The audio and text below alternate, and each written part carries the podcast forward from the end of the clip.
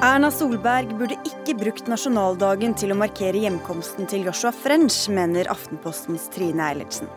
Helt naturlig for statsministeren å engasjere seg i slike saker, svarer Utenriksdepartementet. Miljøpartiet De Grønne er så små at Stortinget ville vært grønnere uten, skriver kommentator.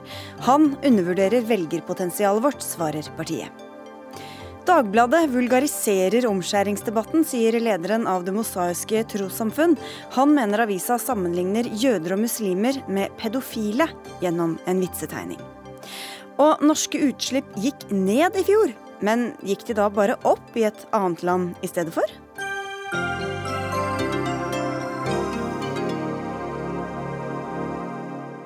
Velkommen til ukas siste Dagsnytt 18 på NRK P2 og NRK2. Jeg heter Sigrid Solund. 17. mai denne uka hadde de sedvanlige 17. mai-ingrediensene. Barnetog, pølser, is og flagg. Men den inneholdt også noe ganske uvanlig. En plutselig pressekonferanse med utenriksministeren og statsministeren som avbrøt feiringa av nasjonaldagen for å fortelle det norske folk at drapsdømte Joshua French var hentet trygt hjem fra Kongo til Norge. Men hvorfor avbrøt statsminister Erna Solberg 17. mai-feiringa for å stille på pressekonferanse om saken? Det spør du om i dag, og du skjønner det ikke helt, eh, Trine Eilertsen, politisk redaktør i Aftenposten. Nei, jeg, jeg syns det var merkelig. og eh, Mitt inntrykk er at jeg ikke var alene om å reagere på at eh, statsministeren valgte å avbryte 17. mai-feiringen for å markere dette på en måte som skapte inntrykk av at det er en nasjonal begivenhet. Eh, når statsministeren velger å, å fronte en sånn sak, så løfter hun den opp til å bli svært viktig for nasjonen, vil jeg si. Eh, og jeg mener jo at Børge Brende kunne ha frontet den saken eh, uten statsministeren denne gangen. Eh, hatt en stille og rolig pressekonferanse om det, og behandlet saken som den store begivenheten det er for Joshua French og hans familie. Og en, en hendelse som ikke fortjener å løftes opp på det nivået på den måten. Nå var det vel ikke de som bestemte hvilken dag det skulle skje, men hvilken rolle spiller det at denne markeringa også da skjedde på selveste nasjonaldagen? Nei, det er klart det blir jo veldig, en dramatisk ramme rundt det når vi får beskjed tidlig på dagen at eh, det er utlyst til eh, pressekonferanse der både statsministeren og Børge Brende skal være til stede. Det skjer jo bare i veldig veldig store og viktige saker for Norge.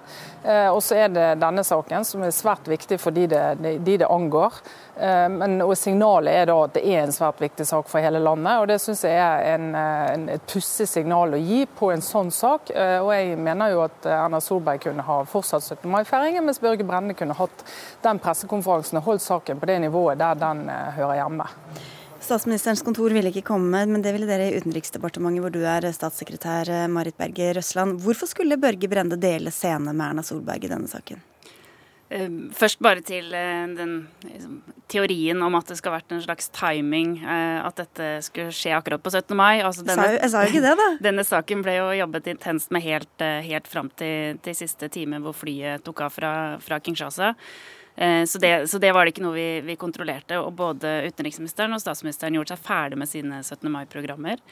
Men jeg tror for veldig mange er det, er det, lett å se at dette er en sak som har berørt veldig mange i Norge. Den har berørt uh, alle de som har jobbet med den. Den har uh, vært en stor belastning for de familiene som denne saken uh, angår.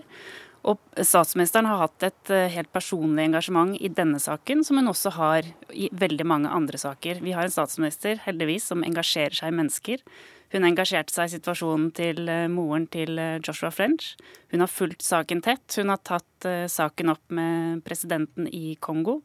Så det er ikke unaturlig at når vi endelig fikk en løsning på plass, etter så mye arbeid, at hun også deltok på den pressekonferansen. Men Trine Eilertsen, hvilken rolle spiller det egentlig? Altså, hva kan være negative konsekvenser av at saken hauses opp, da, hvis vi skal si at den gjør det? Nei, altså, det som jeg mener er litt av dilemmaet knyttet til dette, for altså, jeg er jo, er jo enig i det at det er flott at statsministeren engasjerer seg i, i mennesker og i menneskers drama. Og, og, Vi hadde en annen sak da Kjartan, Sek eh, Sekkingstad ble frie som gissel fra, fra Filippinene. Eh, hvor Han kom hjem, og det var en stor og viktig sak som, som mange var engasjert i langs, langs, mange dimensjoner. Men det er klart at når du, dette handler om en nordmann som har sittet fengslet i et annet land. Vi har over 50 nordmenn som er i samme situasjon av forskjellige grunner. Denne saken skiller skiller seg ut fordi han hadde en dødsdom hengende over seg. Han ville sannsynligvis ikke overlevd eh, videre soning. Eh, så det var helt riktig av norske myndigheter å jobbe hardt for å få Joshua French hjem og gi ham behandling. Han er hjemme, får behandling. Men det er klart at alle de andre som sitter fengslet der ute, alle familiene deres, når skal statsministeren gå inn? På, langs hvilke kriterier vurderer hun når hun skal gå inn og signalisere, som jeg mener hun gjorde nå, at dette er en viktig sak for langt flere enn familien det angår. Eh, det er litt nysgjerrig på hvilke kriterier hun skal velge de sakene fra. For det kan komme situasjoner der vi har en dødsdømt eh, nordmann i utlandet som det er svært vanskelig å få sympati for.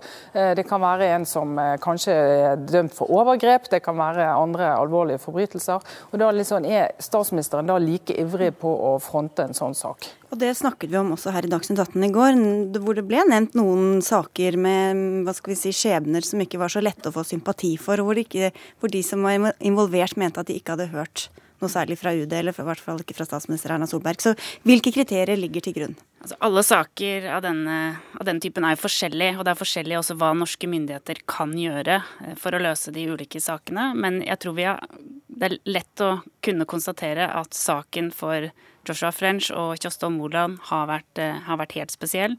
Eh, de ble dømt eh, til døden og har, har sittet under svært vanskelige soningsforhold. Men det en person, har andre også gjort. En person kom ikke hjem. Mm. Det var også en, en, sak, en rettssak nummer to hvor, hvor, da Joshua French ble dømt for å ha, ha drept Moland, hvor Kripos var nede og gjorde sine egne undersøkelser. Så det er klart at det er spesielle forhold rundt akkurat denne saken mm. som gjør at vi har hatt veldig mye ressurser inn på den, å løse denne saken, og den ble også løst. Det er også viktig å få med seg at vi har faktisk brukt ressurser for å løse en sak ja. som det var mulig for norske myndigheter å påvirke. Men, men det er, andre det... saker som er Det var en som ble dømt for eh, drap på kona si, og en som vel også var dømt for drap og voldtekt av et barn, som ble, som ble dømt, hvis jeg ikke husker helt feil. Mm. Eh, så hvorfor eh, Altså, hva er det som er så spesielt? Hvilke, hvilke objektive kriterier, da, for å si det sånn, er det som ligger til grunn i denne saken, som ikke ligger til grunn i andre saker? Altså, det, det, som er spesielt for denne saken, og for andre saker også hvor, hvor statsministeren har vært engasjert, så er det jo det at det er liv og helse som står på spill.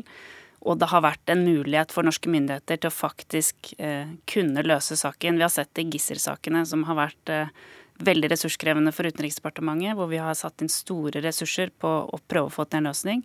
Og i Joshua French-saken så var det jo også eh, mulig gjennom de kontaktene vi hadde, gjennom det langsiktige arbeidet som ble gjort, gjennom den innsatsen moren har stått for, så klarte vi faktisk å løse saken. Eh, og det er et viktig det er i seg selv et viktig kriterium. Vi må jo vurdere er det noe norske myndigheter kan gjøre overfor et land for å faktisk få en sak eh, løst. Hva tror du Trine Eilertsen, at kan ligge til grunn for hva når de anstrenger seg ekstra, for å si det sånn, og ikke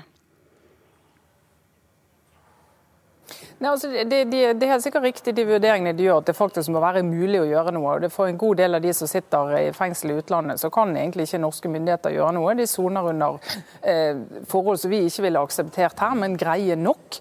Eh, og de er kanskje dømt for forbrytelser som gjør at de ikke får en stor hva skal jeg si, folkebevegelse i Norge som, eh, som, jobber for dem. Men det er klart at signalet ut når statsministeren fronter en sånn sak, det er jo at det er noen saker som er viktigere enn andre. og Da er det, er det veldig viktig å få litt orden og oversikt over hva kriterier som ligger til grunn, eh, så ikke det fremstår som eh, tilfeldig.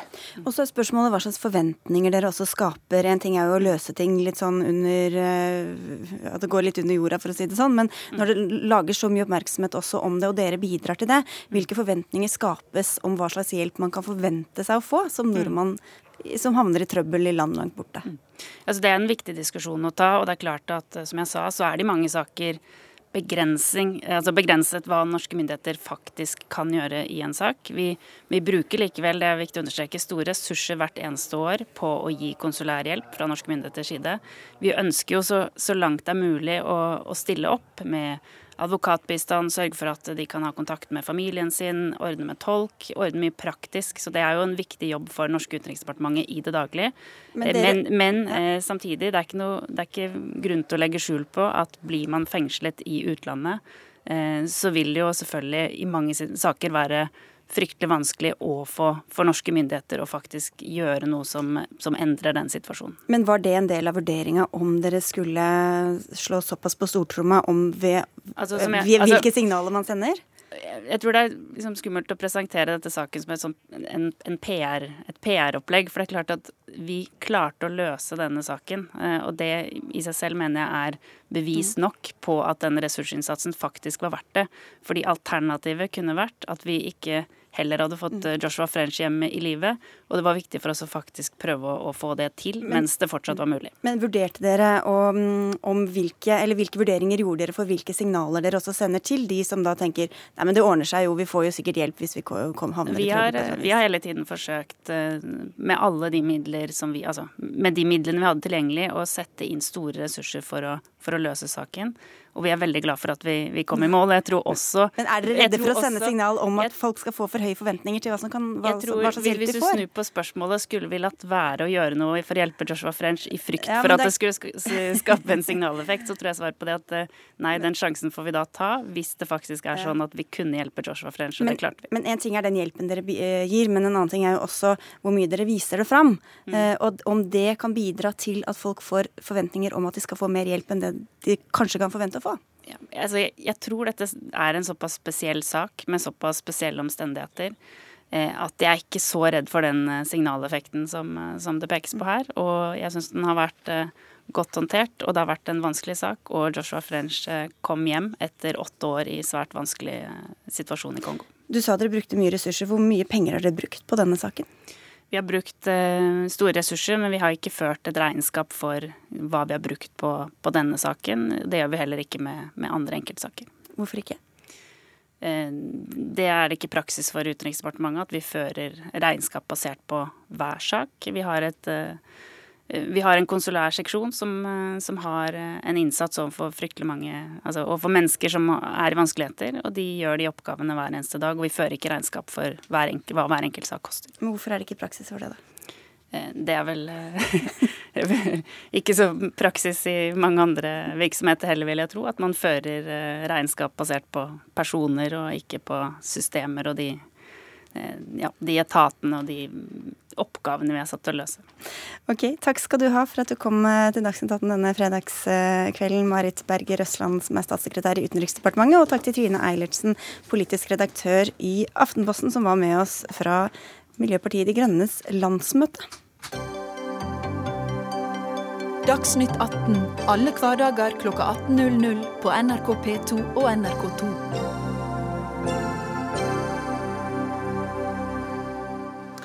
som vi nå skal tilbake til. For hvis Miljøpartiet De Grønne fikk bestemme, ville vi jobbet langt kortere arbeidsdager enn i dag. Men nøyaktig hvor korte dager er et tema for debatt når MDG møtes til landsmøte på Lillehammer denne helga. Enkelte ivrer for sekstimersdag, mens andre i partiet mener det er for radikalt. Du tilhører den første gruppa, Arild Hermstad. Du er førstekandidat for Miljøpartiet De Grønne i Hordaland. Hvorfor vil du innføre sekstimersdag? Altså for oss så handler dette om eh, livskvalitet, først og fremst. Det handler om at eh, vi skal eh, stresse mindre, jobbe kortere dager. Og så skal vi ha, ha, bedre tid til å hente ungene våre i barnehagen. Slippe å løpe i en sånn strikk mellom skole, jobb og fritidsaktiviteter. Så det, det er først og fremst det viktigste argumentet for oss, at vi ønsker å ha et annerledes samfunn hvor vi ikke trenger å jobbe så mye. Og dermed også gå ned tilsvarende i lønn, eller hva er planen din? Eh, det som er formuleringen, er at vi eh, vil heller ta ut eh, produktivitetsøkningen i korte arbeidstid enn i reallønnsforbedring. Og Det betyr at det blir altså Istedenfor at du blir dobbelt så rik i 2050 som det du er nå, så blir du kanskje bare bitte litt mer rik. Og Det er ikke et stort problem i Norge, for vi har enormt høy kjøpekraft. Og vi har også et veldig høyt forbruksnivå av materielle ressurser. Sånn at her er det egentlig en vinn-vinn. Eh, du kan jobbe mindre og samtidig bidra til å løse miljøproblemer. Og dette er det altså diskusjon om. Eh, Anna Kvam, du er førstekandidat for MDG i Rogaland og nasjonal talsperson for Grønn ungdom. Og du sitter vel ved siden av ham, eller står ved siden av ham på landsmøtet, og du mener at Hermstad går for langt. Hvorfor det? Ja, eh, vi i Grønn Ungdom og jeg vi mener at det å allerede nå gå inn for en sekstimersdag i løpet av den neste stortingsperioden er for ambisiøst. Og det er ikke fordi at vi ikke også på lang sikt ønsker oss et samfunn hvor det er mulig å jobbe mindre enn det vi gjør i dag. Men det er rett og slett fordi at vi vet at det å innføre en sekstimersdag allerede nå, det kommer til å koste staten en del penger i form av tapte skatteinntekter, f.eks.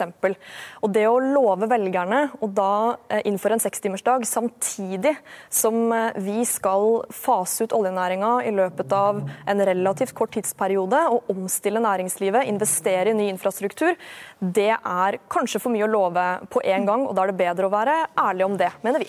Ja, hvordan går dette regnestykket ditt opp, eh, Arild Hermstad?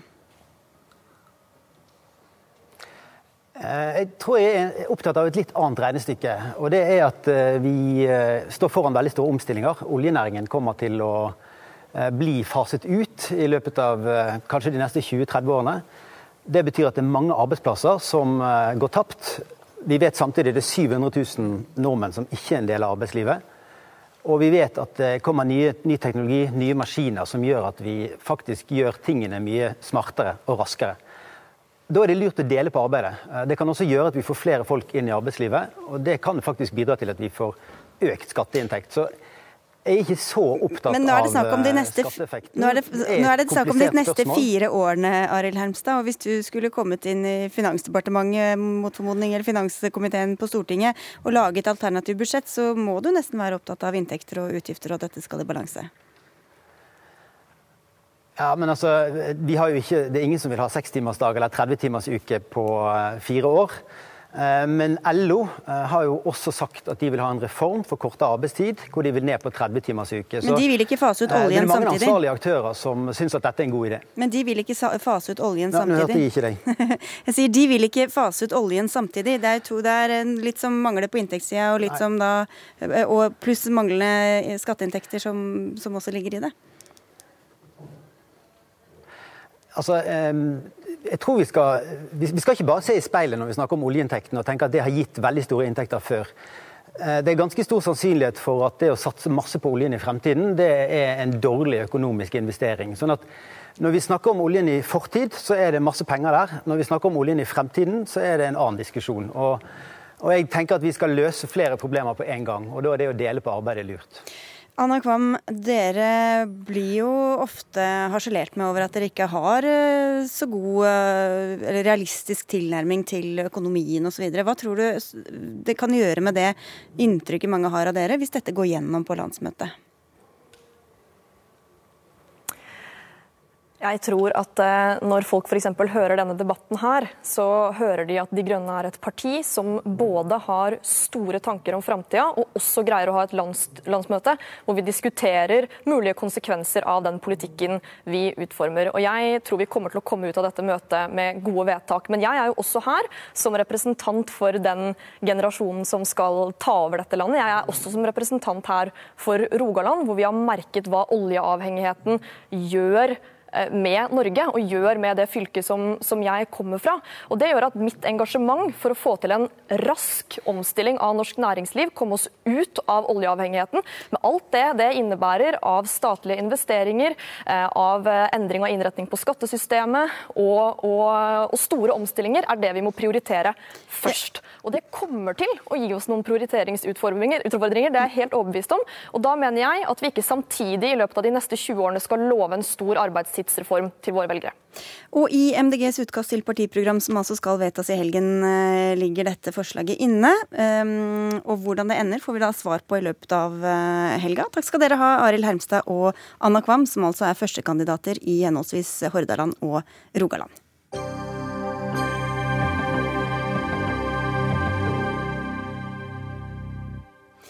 Men vi gir oss ikke helt med MDGs eh, landsmøte ennå, for på landsmøtets åpningsdag skriver Dagens Næringsliv at Stortinget kunne blitt grønnere uten Miljøpartiet De Grønne. Au fra deg altså her, politisk redaktør i Dagens Næringsliv, Kjetil B. Alstaheim. Men nå må du være litt pedagogisk med oss. Hvordan forklarer du at eh, nasjonalforsamlinga kunne blitt grønnere uten eh, De Grønne, hvis målingene altså fortsetter som nå over valget? Ja, utgangspunktet her er uh, gjennomsnittet av målingene for april. Der, og så har vi da sett på de som vi oftest kaller miljøpartier, altså Miljøpartiet De Grønne, Venstre og SV. Uh, og i, i, april så lå både, både, Venstre og Miljøpartiet under sperregrensa, så de, ingen av dem får, fikk noen utjevningsmandater. Uh, mens SV ligger over. Så til sammen så vil da, hvis valget blir sånn som aprilmålingene viste, så ville de partiene fått SV ville fått åtte, Venstre ville fått to, og Miljøpartiet ville fått ett mandat, til sammen elleve. Eh, og Hvis vi da isteden tar Miljøpartiets velgere og fordeler dem på Venstre og, og SV, så vil SV få 10 og Venstre få 8, til sammen 18. Så forskjellen vil være 11 grønne på Stortinget eh, mot 18 grønne på Stortinget. Det blir sju. Det blir sju flere. Ja. Ja. Eh, og den store forskjellen er selvfølgelig at Venstre løftes over, over sperregrensa. Une Aina Bastholm, du er nasjonal talsperson for Miljøpartiet De Grønne, også med fra landsmøtet. Eh, denne analysen er kanskje litt vond å høre for dere på en sådan dag? Nei, den er ikke vond. og Jeg vet at Kjetil Alstadheim i sitt hjerte er opptatt av miljøpolitikk, så jeg tar det for så vidt som god hjelp. Men eh, jeg syns analysen er litt svak, og den er for så vidt også litt gammel. Dette var jo ting vi hørte uh, før 2013-valget også. Uh, Venstre og SV gikk til og med ut i avisa og anbefalte at, at, folk ikke skulle stemme på Miljøpartiet De Grønne, fordi det kunne splitte miljøvelgerne. Og så er det jo veldig lite som tyder på da, at uh, de her miljøvelgerne er et sånt nullsumspill. Det kan tyde på at det at vi har flere partier som representerer forskjellig ideologisk plattform i bunn, gjør at vi mobiliserer veldig mange flere miljøvelgere til sammen. Men, eh, men målingene tyder jo ikke på det. Litt mer optimistisk. Målingene tyder vel ikke på det? Sånn Målingene, sånn som de er nå, er egentlig Målingene for oss nå er jo sånn på snitt 2,7.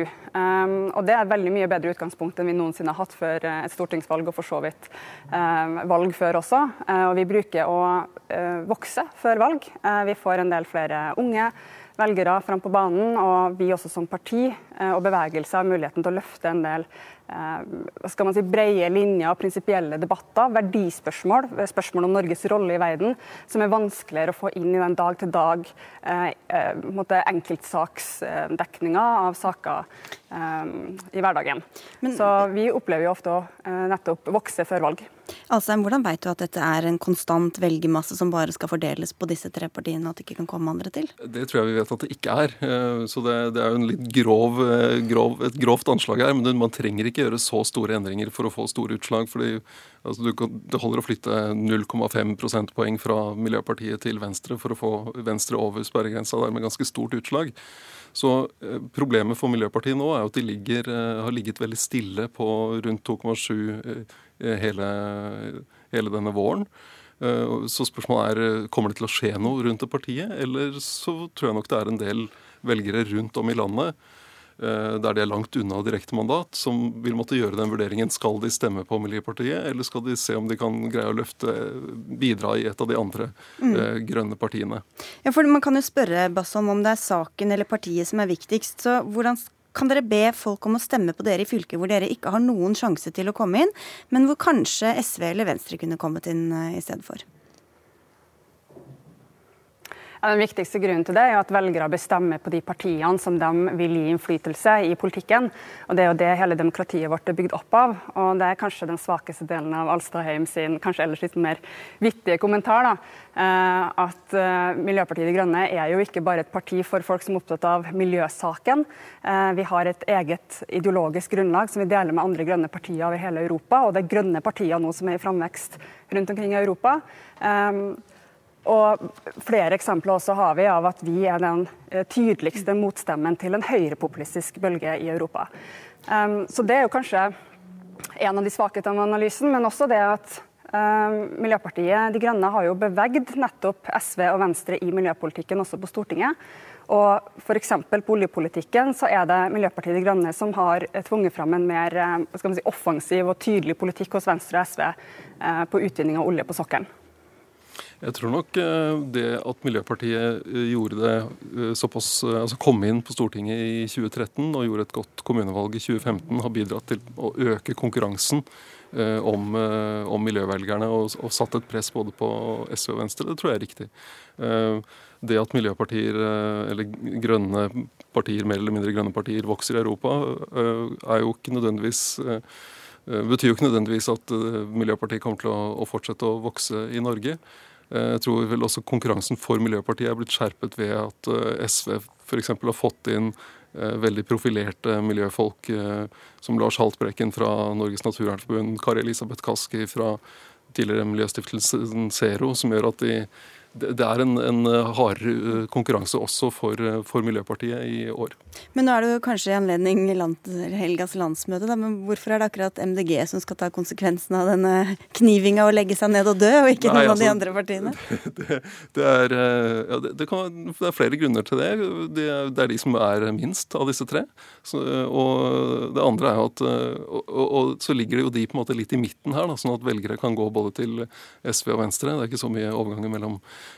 direkte fra SV til Venstre. Jeg tror ikke det er så mange venstrefolk som ville stemt på SV, f.eks.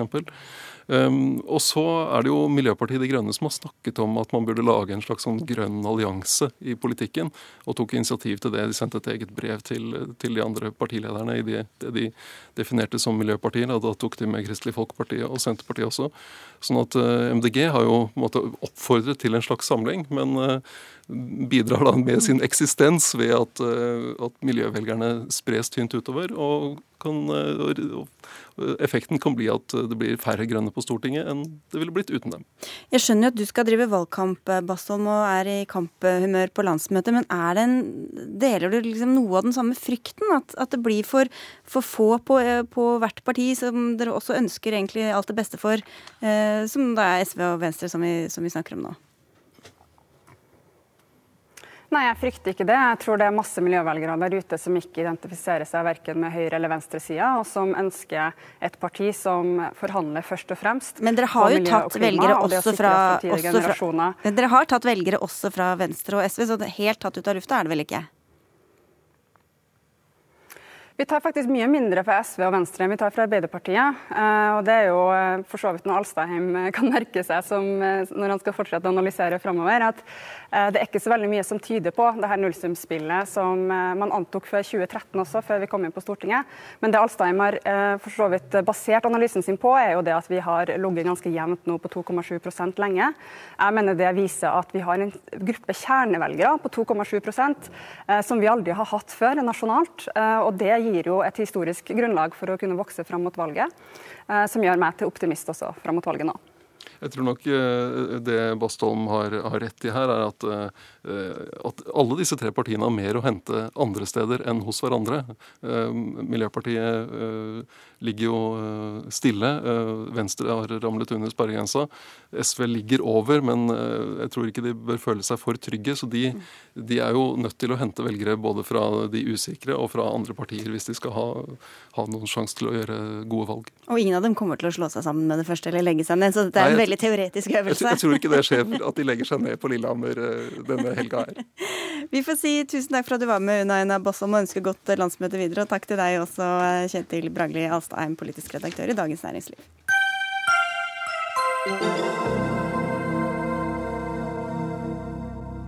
Julian Assange er ikke lenger mistenkt for voldtekt i Sverige etter at den øh, svenske påtalemyndigheten i dag henla saken og opphevet den europeiske arrestordren fra 2010. Wikileaks-grunnleggeren, som USA også ønsker utlevert pga. en mistanke om spionasje, har de siste fem årene søkt tilflukt i Ecuadors ambassade i London i frykt for å bli utlevert. London-korrespondent Espen Aas, hvorfor opphever eh, svenske påtalemyndighetene denne arrestordren? Ja, Det er ikke fordi at uh, svenskene mener uh, at Julian Assange nødvendigvis ikke sto bak det, men det er rett og slett fordi de ikke kommer videre i etterforskningen. De var jo her i uh, ambassaden i november i fjor og overhørte da et intervju som en representant fra den ekvadorske ambassaden gjorde med Assange, som skulle hjelpe dem videre i etterforskningen. Men nå sier de nå er det full stopp. Men Eh, saken eh, kan eh, likevel videre gjenopptas dersom Assange kommer til Sverige innen 2020. Men i 2020, da er også den, denne saken foreldet. En av de andre sakene ble foreldet i fjor. Og da er det ikke noe mer igjen av disse anklagene. Hva om noe har Assange sagt i dagens anledning? Han kom jo ut i eh, vinduet i første etasje i eh, ambassaden her for eh, snart en time siden og sa at dette var en viktig seier for ham, at han var glad for det, men sa samtidig også at han ikke glemmer alle de årene han har mistet av livet, at han ikke har fått se sine egne barn vokse opp, og avviser det som britisk politi sier i dag. De sier at de opprettholder arrestordren på ham fordi han brøt kausjonsvilkårene ved å gå inn i denne ambassaden. Eh, men han sier det er faktisk ikke noe lovforbud mot å søke asyl. Han mener at han er i sin rett, eh, i sin fulle rett, unnskyld, eh, og sier også at han er interessert i å gå en, i en dialog med britene om denne saken. Det han selvsagt frykter, er jo at dersom han blir pågrepet av britisk politi, at de overleverer han videre til amerikanerne, som trolig fortsatt ønsker å snakke med ham om eh, lekkasjene fra krigføringen i Afghanistan for flere år siden. Men Betyr det at han blir værende på ambassaden framover også? Han vil jo ikke svare på spørsmål fra oss da han eh, kom ut her. Han overhørte våre rop. Eh, men Eh, det var ingenting som tydet på at han kommer til å gå ut. Han sa vel indirekte at det kan han ikke gjøre så lenge britene står ved det eh, de sier. Og Derfor så blir han inne på dette ombygde kontoret som har vært hans eh, hjem i snart fem år. Men han sa som nevnt at han ønsket å gå i dialog med britene og se om det var en vei ut av dette. Han syntes det var et paradoks at de skulle opprettholde en arrestordre for å bryte en kausjon på en sak som nå svenskene ikke lenger etterforsker. Takk skal du ha, Espen Aas med oss eh, fra London. Det har vært mye snakk om Assange eh, i dag, men det er kanskje ikke alle som husker hvorfor han kom i søkelyset i utgangspunktet. Erik Løkke, du er rådgiver i eh, Civita og forfatter av boka 'Personvern etter Snowden'. Wikileaks og Assange ble for alvor kjent i 2010, da de publiserte graderte militære dokumenter som var lekket til dem av Chelsea, altså tidligere Bradley Manning, som har nå blitt kvinne, som for øvrig ble sluppet fri denne uka. Og i dette materialet var det en video fra den amerikanske hæren i Irak som viste et helikopterangrep på mennesker, inkludert barn og journalister. Hvordan ble disse lekkasjene mottatt da, i 2010? Nei, de skapte jo veldig mye oppmerksomhet av gode grunner. Eh, blant veldig mange. Det var jo det var et samarbeid med diverse eh, medier nettopp for å eh, skrive om de sakene som da Wikileaks slapp. Klart, Noen så jo på dette som svært viktig, av dette informasjonen som offentligheten har bruk for, og de har jo mange gode poenger. Det at det var dette angrepet som du refererte til, var jo svært viktig for en debatt rundt, og at denne type overgrep bør straffeforfølges. Men samtidig så var det jo også en del i disse lekkasjene som, som, som gjorde det farlig for informanter. Informanter som har samarbeida med eh, de allierte styrkene, og som ble satt i, eh, i, livsfare. Så dette ble jo eh, sterkt kritisert av veldig mange, og selvfølgelig så var jo ikke amerikanske myndigheter veldig fornøyd med disse lekkasjene. Mm. Kjersti Løken Stavrum, du er styremedlem i Norske Penn, altså ytringsfrihetsorganisasjonen Penn. Styrelederen din, William Nygaard, skrev i dag at Assange har åpnet lukkede rom og styrket ytringsfriheten, forventer økt innsats fra ham i frihet. Er det så enkelt når vi hører også om de farene ved det? Nei, det er ikke egentlig det. Jeg tenker at når eh, Assange, hvis han nå kommer ut, så, så blir han nok møtt med litt sånn sikksakk-smil nå. Han var en mye mer eh, helt i begynnelsen, hvor, hvor den informasjonen som Wikileaks slapp ut, var viktig. Eh, den, den, var jo brutal i den forstand at den var ubearbeidet, men, men hovedsakelig så viste den ting som ikke tålte dagens lys. Eh, over tid så har dette forandret seg, og ting har blitt eh, Altså Wikileaks har blitt mye mer komplisert. Ikke minst fordi Snowden valgte en helt annen tilnærming og ble på en måte en antagonist til, til Assange, hvor, hvor han sa at jeg sitter med alt dette. Jeg må ha noen til å bearbeide og vurdere og gjøre de redaksjon riktige redaksjonelle vurderingene før det publiseres. Nettopp av hensyn til, til uh, mennesker som ikke fortjener, eller det er ingen grunn til å bli eksponert, eller ting som ikke skal eksponeres. Så, så dermed så, så, nå har de jo sittet i hvert, hver sin på en måte husarrest i hvert sitt i land, men, uh, men på veldig ulike etter å ha valgt veldig mm. ulike tilnærminger til denne ytringsfriheten. da. Så, så enkelt uh, som den. En kort tweet er det ikke. Dette var på Facebook for øvrig. Ja, ja. men, ja. men hva slags, hvordan har han selv rettferdiggjort det å bare slippe det helt fri, da? Nei, altså, de har jo det har jo på en måte vært Wikileaks greie. At eh, vi eh, slipper det fram. Vi, det, folk har rett til å vite. Eh, og, og, derfra har de på en måte eh, sagt at det da har de gjort sin oppgave. Og så skal det jo også legges til at eh, hans kontrovers på et vis med, med, Hillary Clinton gjorde han jo nærmest til en aktør i valgkampen. Eh, som, som, det ble veldig, veldig komplisert, og, og, og, gjorde nok at han mistet noen tilhengere der òg, tror jeg. Fortell ikke, Hva var det som skjedde der? Hva var disse, dette med Hillary Clinton? Nei, Det var jo lekkasjene fra eh, Det demokratiske partiet og, og, John Podesta, som var i kampanjen til Hillary Clinton, som fikk sine e-poster hacka. Eh, hvor da eh, etterretningen i USA har konkludert med at dette mest sannsynlig var russerne. Det er notorisk vanskelig å bevise den type hacking. Eh, men disse kom da i hendene på Wikileaks, Wikileaks som da publiserte disse eh, lekkasjene og e-postene innad i Clinton-kampanjen under, eh, på slutten av valget i 2016. Og Noen mener jo at dette kan ha hatt avgjørende innflytelse på utfallet i, eh, i USA. Eh, og, og, da minner det jo egentlig mer om politisk sabotasje enn noen som helst form for varsling, egentlig. For han skapte jo en sånn spenning rundt, eh, rundt publiseringene. ikke sant? Han sa at det kommer til å komme ting. Det ble skapt en forventning om at det skulle komme noe. Og da det kom, så fikk de seg selv stor oppmerksomhet mest pga. dramaturgien rundt det, og ikke så veldig mye pga. substansen. Så må det også legges til at uh, Roger Stone, som var tilknytta Trump-kampanjen allerede i august, snakka om at han hadde snakket sammen med Wikileaks og uh, Assange, og at det skulle komme såkalt October Surprise. Og det skjedde jo. Og da virker det jo mer som uh, Assange har blitt en aktør for Trump, og kanskje også en aktør for russerne. Så det er dette som har skapt mye av kontroversen rundt Assange i det siste. Ja, for du gikk gjennom mye av det ja, materialet sjøl? Ja, jeg syns det var ganske interessant å se, fordi at nettopp fordi at hele dramaturgien rundt det skapte en spenning og skapte en oppmerksomhet rundt eh, disse e-postene. Men eh, nå skal jeg virkelig si at jeg ikke har lest alle, for det er jo et enormt materiale. Men de som ble særlig løftet fram, eh, gikk jeg gjennom. Og jeg eh, tenker at det skulle nesten bare mangle om ikke det er en type dialog man har seg imellom. Som man jo selvfølgelig ikke tenker at skal ut i oppmerksomheten. Men, men, men det, det, hadde ikke de kvalitetene ved seg som selvfølgelig eh, avsløringene av amerikanske ja, i beste fall uetisk, i verste fall krigsforbrytelser i Afghanistan. ikke sant?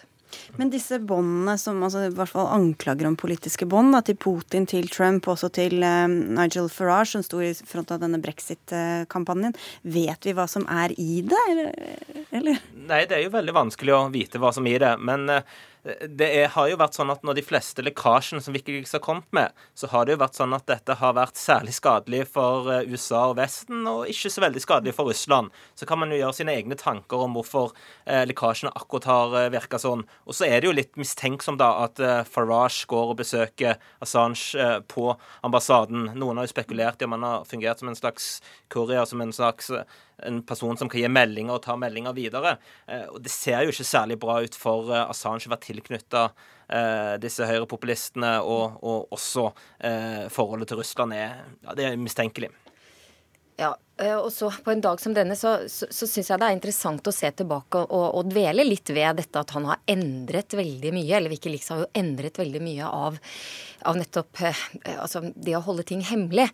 At ting skal holdes hemmelig fordi de fortjener hemmelighold. Og, og veldig mye har jo kommet ut som jo har vist at, sant, at diplomatene har drevet og skrevet vurderinger av eh, diplomaters kone som absolutt ikke hadde noe fortjente noe hemmelighold, og som heller ikke tålte dagens lys. Så jeg tror nok mye er Eh, blitt bedre som følge av litt sånn faren for eksponering. Men samtidig så er det jo også eh, noe med at eh, når ting skal ut i lyset, så er det greit å gjøre en vurdering av eh, nyhetsgehalten i det. Mm. Men er det, for En ting er jo at det kommer ut sånne uheldige ting, men har det også kommet ut ting som har vært farlige? Ja. Ja, ja, ja. Masse. Det har vært eh, tilfeller, bl.a. Eh, lekkasjer om, eh, om aktivister i Saudi-Arabia. Eh, det kom ut masse sensitive opplysninger om borgere i eh, Tyrkia. Eh, I Saudi-Arabia var det navn på en, et voldtektsoffer. Eh, så det er massevis av den type eh, eh, sensitive opplysninger som har lekka ut. Og man kan jo si noe sånt som at hvis, hvis Assange i begynnelsen virkelig var en aktør for whistleblowing, altså varsling, og, og, mye tyder på det, sånn som han starta, så har han mer og mer gått over, etter min mening, til å bli en trussel mot personvernet og en trussel mot demokratiet på måten som man da oppfører seg på. Fordi at vi er avhengig også av privat kommunikasjon. Altså ideen om at alt skal være offentlig, som er den mest radikale formen for ideologi som Assange noen gang ser ut til å fremme, den er livsfarlig for uh, ytringsfrihet, den er livsfarlig for personene, den er livsfarlig for demokratiet. Til slutt her, Løken Stavrum, hva, hva, tror du kan skje? Altså, USA ønsker jo fortsatt uh, å få ham utlevert. Uh, ja, Hva er altså, potensielle utveier her? Det blir jo nærmest vill gjetting, men ikke sant? dette skjer jo nå dagen etter at Chelsea Manning viser hvordan hun ser ut, og hun ble jo tross alt benådet. Assange risikerer 45 års fengsel. Hun fikk vel 30. Så jeg sliter med å tro at han eh, vil bli utlevert og stilt for retten for en sak som da Chelsea Manning eh, har sonet for på et vis. Men, men vi vet virkelig ikke. Alt dette har jo vært et absurd teater hele veien. Eh, og til slutt så kan det være han ender i Ecuador også. Som jeg så New York Times for noen år siden hadde en artikkel hvor de skrev 'No country for geek men'. og det tror jeg nok er helt riktig. vi får følge med i neste akt. Tusen takk skal dere ha for at dere kom, Erik Løkke og Kjersti Løken Stavrum. Hør Dagsnytt 18 når du vil. Radio NRK Radio.nrk.no.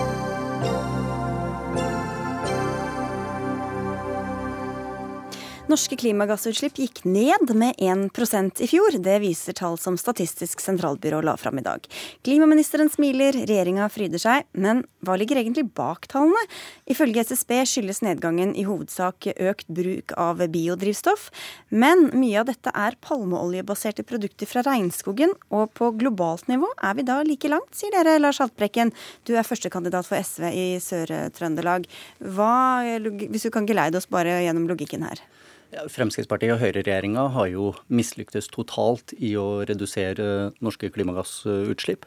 Utslippskuttene i 2016 som de i dag skryter av, er dynka i et rekordstort forbruk av palmeolje og dermed regnskogsødeleggelse.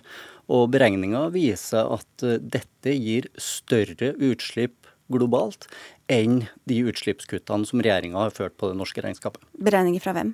Det er vi som har gjort de beregningene, men Regnskogsfondet har gått uh, god for dem, gått gjennom dem og sagt at vi har sannsynligvis lagt oss på et veldig lavt anslag. Toril Aabergsbotten, du er medlem av energi- og miljøkomiteen på Stortinget for Høyre. Hvorfor juble over noe som ser pent ut i våre nasjonale tall, hvis gevinsten ikke er der globalt? Jeg er veldig glad for at for første gang så har eh, faktisk klimagassutslippene ikke-kvotepliktig eh, sektor gått ned hele fire år på rad. Dette viser at eh, ikke-sosialistisk eh, klimapolitikk det faktisk det virker. Eh, vi er veldig glad for at utslippene går ned i transportsektoren. vi forholder oss til de referansene eller de innrapporteringene som Miljødirektoratet har gitt oss. Nettopp at mesteparten og bortimot all biodrivstoff omsatt i 2016 Eh, var bærekraftig. Og vi forholder oss eh, til EU eh, e sin direktiv. Um, men, men, vet dere at, at, disse, altså at, nedgangen her hjemme ikke følger uh, også med en uh, økning i andre land? Vi forholder oss til EU sine bærekraftsdirektiv. Vi forholder oss til det som Miljødirektoratet rapporterer tilbake til oss etter de innrapporteringene som, eh, som, de har fått. Men er dere ikke interessert i å vite hva som er konsekvensen av politikken på globalt uh, nivå? Jo, og det er nettopp det eh, det, det her det handler om. Konsekvensen av vår klimapolitikk er faktisk at CO2-utslippene blir redusert. Eh, og Da må vi gå god for det som er våre faglige rapporter. Jeg syns den debatten her er altfor viktig eh, for at man skal gå inn i en, eh, en, en, en drive og en polemikk om, som, om, hvorvidt en skal stole på EU når det gjelder bærekraft på biodrivstoff. Vi forholder oss til de samme kriterier på palmeolje som andre råstoff som inngår i, i biodrivstoff. Dette viser jo rett og slett at Høyre faktisk ikke har skjønt noe som helst av de utfordringene vi står overfor. Eh, det er ingenting å være stolt over at vi hadde et rekordhøyt forbruk av palmeolje i fjor. Miljødirektoratet anslår at 39% av det biodrivstoffet som ble solgt i Norge i fjor, kommer fra palmeoljeproduksjon. Og vi vet at økt etterspørsel etter palmeolje er noe av de viktigste årsakene til fortsatt ødeleggelse av regnskogen og til fortsatt ødeleggelse av torvmyr. Og dette gir økte globale utslipp. Og når vi har laga disse beregningene, så har vi basert oss nettopp på rapporter fra Miljødirektoratet som peker på de alvorlige konsekvensene Men dette har. SV har vel også ivret for eh, økt bruk av biodrivstoff eh, gjennom mange år? Du kan produsere biodrivstoff på gode og på dårlige måter. Vi mener og det har vi god støtte for i det faglige miljøet, at biodrivstoff produsert på palmeolje er med på å ødelegge regnskogen. Derfor har vi et forslag i Stortinget nå om å få ut uh, palmeolje fra uh, norske men, biler. Men det, Er det det dere har sagt i ti år? Er det det dere har ivret for hele vi tiden? Har. Vi har lenge ivra for å få palmeolje bort. Først fra matvarene våre, som norske forbrukere gjorde en kjempejobb på. Og nå så har vi i, eh, foreslått da, å få palmeolje også ut av eh, dieseltankene. Men bare til dette regnestykket, Aabergsbotn. Det var litt eh, skurrete lyd på deg, men eh, vi får høre om den er blitt bedre. Er det, hva i regnestykket er det som ikke stemmer? Vi forholder oss eh, til det som Miljødirektoratet rapporterer tilbake igjen. Eh, og Vi forholder oss til de eh, kriterier som ligger for bærekraft når det gjelder palmeolje. Eh, vi jobber nå opp mot EU-systemet om at de bærekraftskriteriene skal gjelde for alt biodrivstoff men, omsatt. Men betyr det, at den, politi betyr det at den politikken dere har ført kan føre til økte utslipp i andre land? Nei, det er de utslippene som, eh, som, vi legger som er blitt eh, på det som blir brukt eh, til palmeolje her nå. Det, vi må forholde oss til det som er rapportert inn til Miljødirektoratet. Og Miljødirektoratet forteller oss at det mesteparten, bortimot alt biodrivstoffet som ble omsatt i fjor, var bærekraftig. Men det som jeg syns er kanskje det viktigste her, det er å legge til rette for at man skal produsere enda mer biodrivstoff her i landet. Eh, blant annet så tok vi bort eh, avgift på, på biogass eh, i, i, budsjettet for to år siden. Som medførte at vi kunne legge ned grunnsteinen for det Norges første og faktisk verdens største biogassfabrikk på Skogn.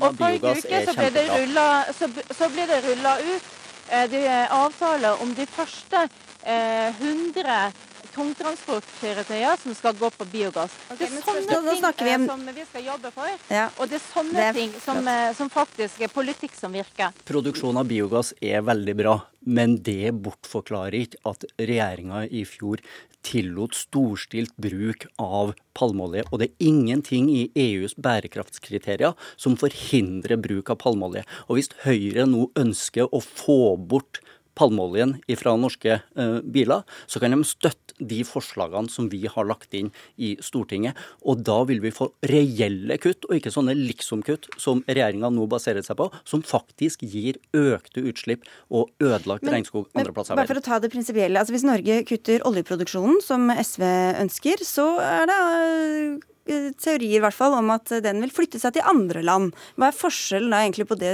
du kritiserer nå, og det dere, som kan bli konsekvensen av deres egen politikk? Statistisk sentralbyrå har sett på nettopp det. Hva skjer hvis vi reduserer oljeproduksjon i Norge? Vil det få en tilsvarende økning i andre land? Nei, sier Statistisk sentralbyrå.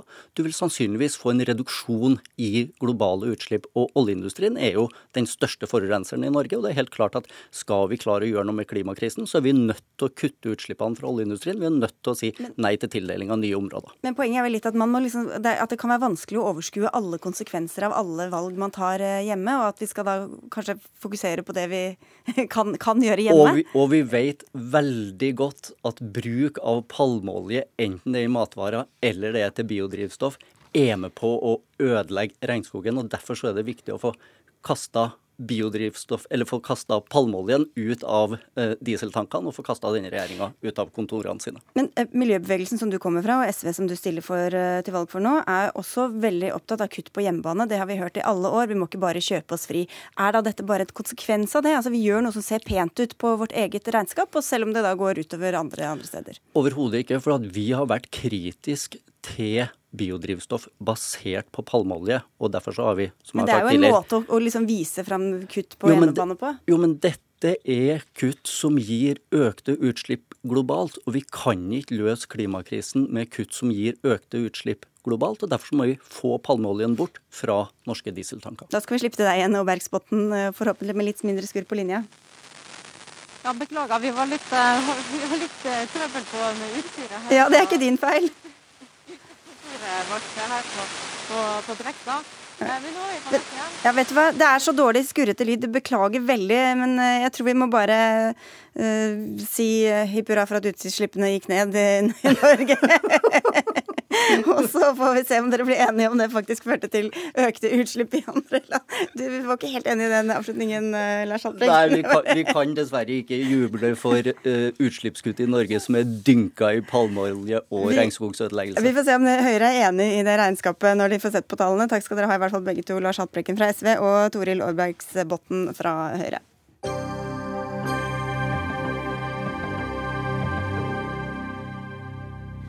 En tegneseriestripe i eh, Dagbladet setter likhetstegn mellom pedofile og religiøse som støtter omskjæring. Det er i hvert fall eh, din konklusjon, Ervin Kohn. Du er leder i eh, Det mosaiske trossamfunn og nestleder i Antirasistisk Senter.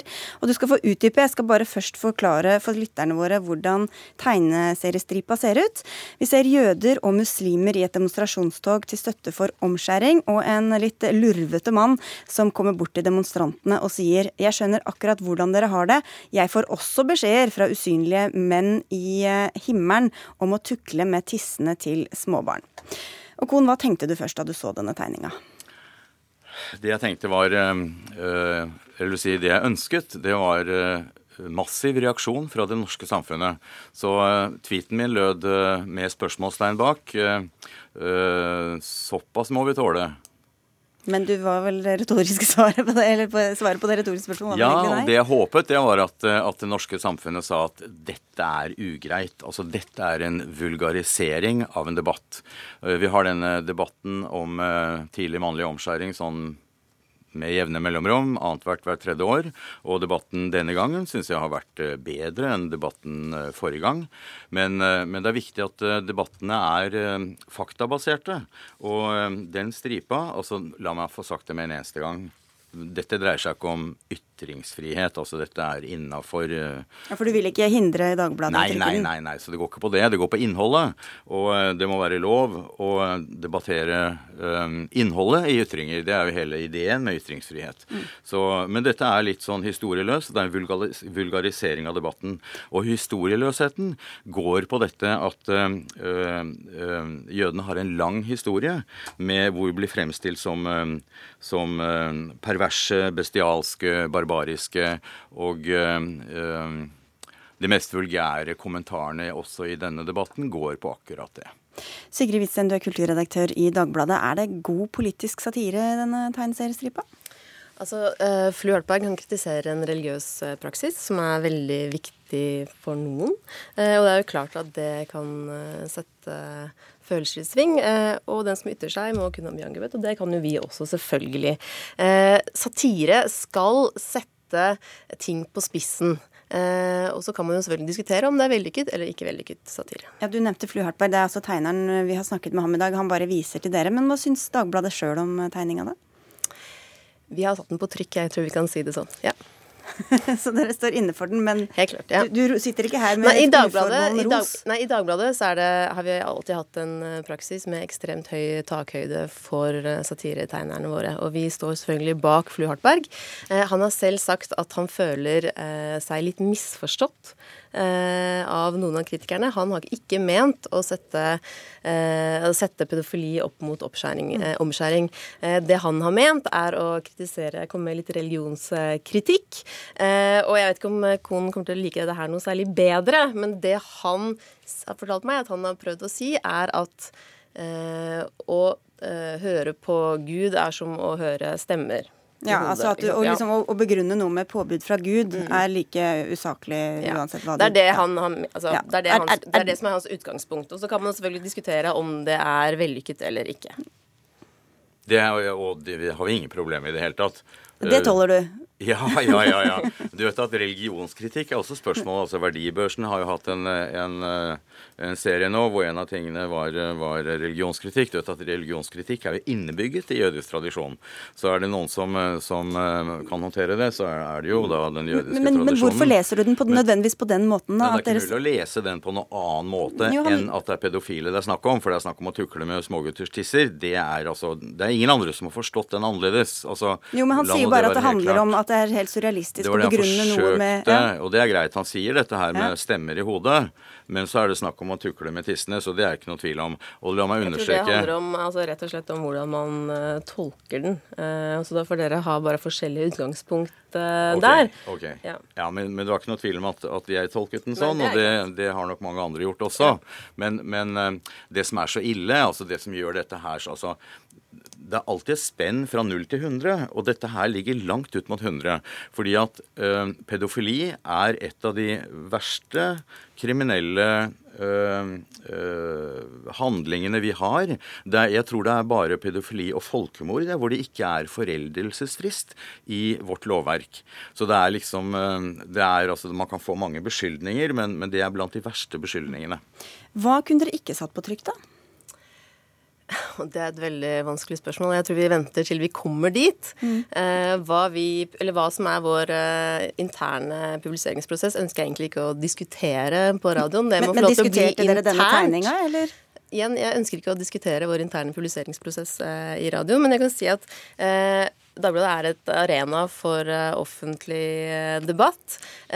Vi har på lederplass uttrykt et standpunkt mot forslaget mot omskjæring av gutter, men vi er også et sted hvor vi vel, altså, lar mange forskjellige stemmer, et meningsmangfold, komme til uttrykk. Og der kan vi legge inn Flu Hartbergs tegning. Ervin Kohn, det er to og et halvt år siden terrorangrepet mot Charlie Hebdo. Hvor musikalsk er det å gå ut med sånn kritikk av en satiretegning med det i mente? Det å kritisere øh, øh, altså kunstuttrykk, det må jo være lov. Men kan det føre til at noen legger bånd på seg, tror du? At, at de får Jeg syns sånn... absolutt. altså Eh, det er viktig at man ikke er historieløs. Og dette her er litt sånn eh, litt historieløst. Eh, I hvert fall når man, når man ikke forstår reaksjoner. Da er det litt historieløst. Altså, Dagbladet har en historie med tegneserier, og det er bare noen få år siden vi vi innklaget dem til PFU etter en tegning i samme debatt.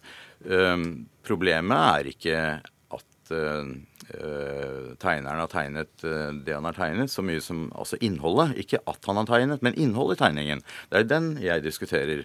Mitt anliggende altså, Dette er ikke snakk om ytringsfrihet eller ikke-ytringsfrihet. Eh, men innholdet i tegningen er, er absolutt mulig å kritisere.